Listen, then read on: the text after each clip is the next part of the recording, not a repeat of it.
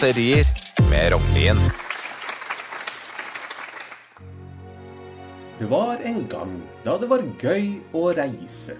Columbus dro til Amerika, og Vasco de Gama fant India. Ingenting var så morsomt som å finne et fremmed land. Der kunne de røve, ha slaver, voldta og ta livet av alle de ikke likte utseendet på og det viste seg som regel å være ganske mange. Riktig så stas var det. Det var litt verre for Roald Amundsen, stakkars. Det var ikke så mange steder igjen å oppdage da han var på toppen for bare litt over 100 år siden. Han måtte dra til Sydpolen, han, som om vi ikke hadde nok av snø og is her fra før. Antarktis var det minst attraktive av alle steder å utforske, og ble derfor den siste av verdens kroker som oppdagerne oppsøkte. Der var det naturlig nok ikke så mange innfødte å undertrykke, som jo var noe av poenget med å oppdage nye steder.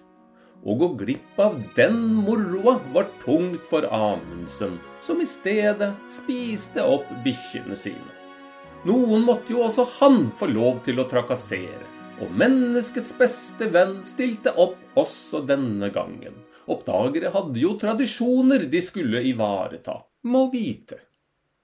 Sånn ca 40 hunder glefset han og vennene i seg på reisen.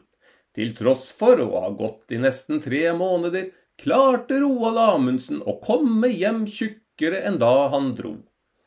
Han startet altså den stolte norske tradisjonen med å komme hjem litt ekstra lubben etter en ferietur til sydligere strøk.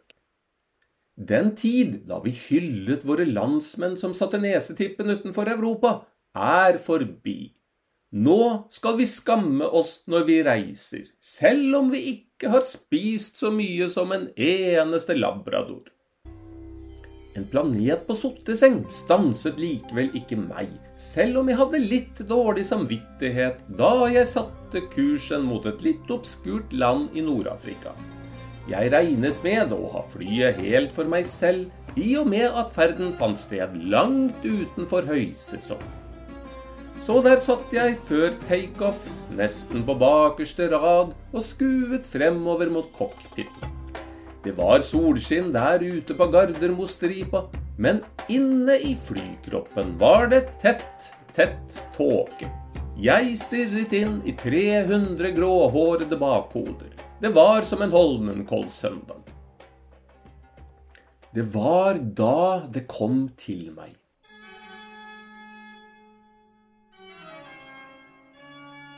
Svaret på det store filosofiske spørsmål hva gjør du hvis du bare har én uke igjen å leve? Det var åpenbart at du da sørger for at det blir minst mulig igjen til arvingene. Uansett hvor i verden jeg nå befinner meg, møter jeg alltid en skokk av rødvinsmarinerte og pengesløsende norske pensjonister. De er midt inne i verdenshistoriens lengste fyllefest, som startet da de gikk av med AFP som 62-åringer. Gamlingene gir åpenbart blanke blaffen i forurensning og reiseskam. De kan ikke få minnet oss på ofte nok at de bygde landet. Så da tenker de sikkert at det bare er rett og rimelig at de også river det ned. Jeg tror det er denne gruppen de kaller for minstepensjonister, i og med at de reiser minst ti utenlandsturer i året. Det er derfor slutt på den tiden da mormor og morfar passet ungene. Da må i så fall mor og far først sende smårollingene ned til besteforeldrene på Gran Canaria. Seniorene sier at de flykter fra dårlig vær, men se ikke bort fra at det de egentlig rømmer fra, er barnebarna. Skal vi tro mediene og norske lærere, har snart halvparten av alle barn ADHD, Tourettes eller Asperger. Og da skal du være ganske tunghørt for å synes det er gøy å være barnevakt. De som har de aller mest uskikkelige barnebarna, drar for sikkerhets skyld til Thailand eller Australia.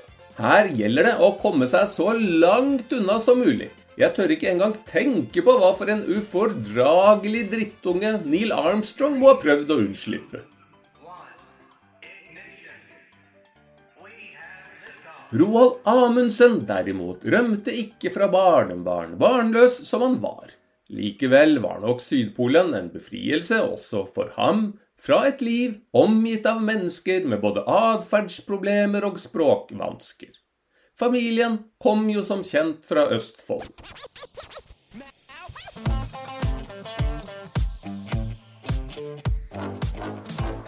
Ellers er det forunderlig at når vi finner igjen gammelt tral som Amundsen etterlot seg på ekspedisjonen, går verden av hengslene.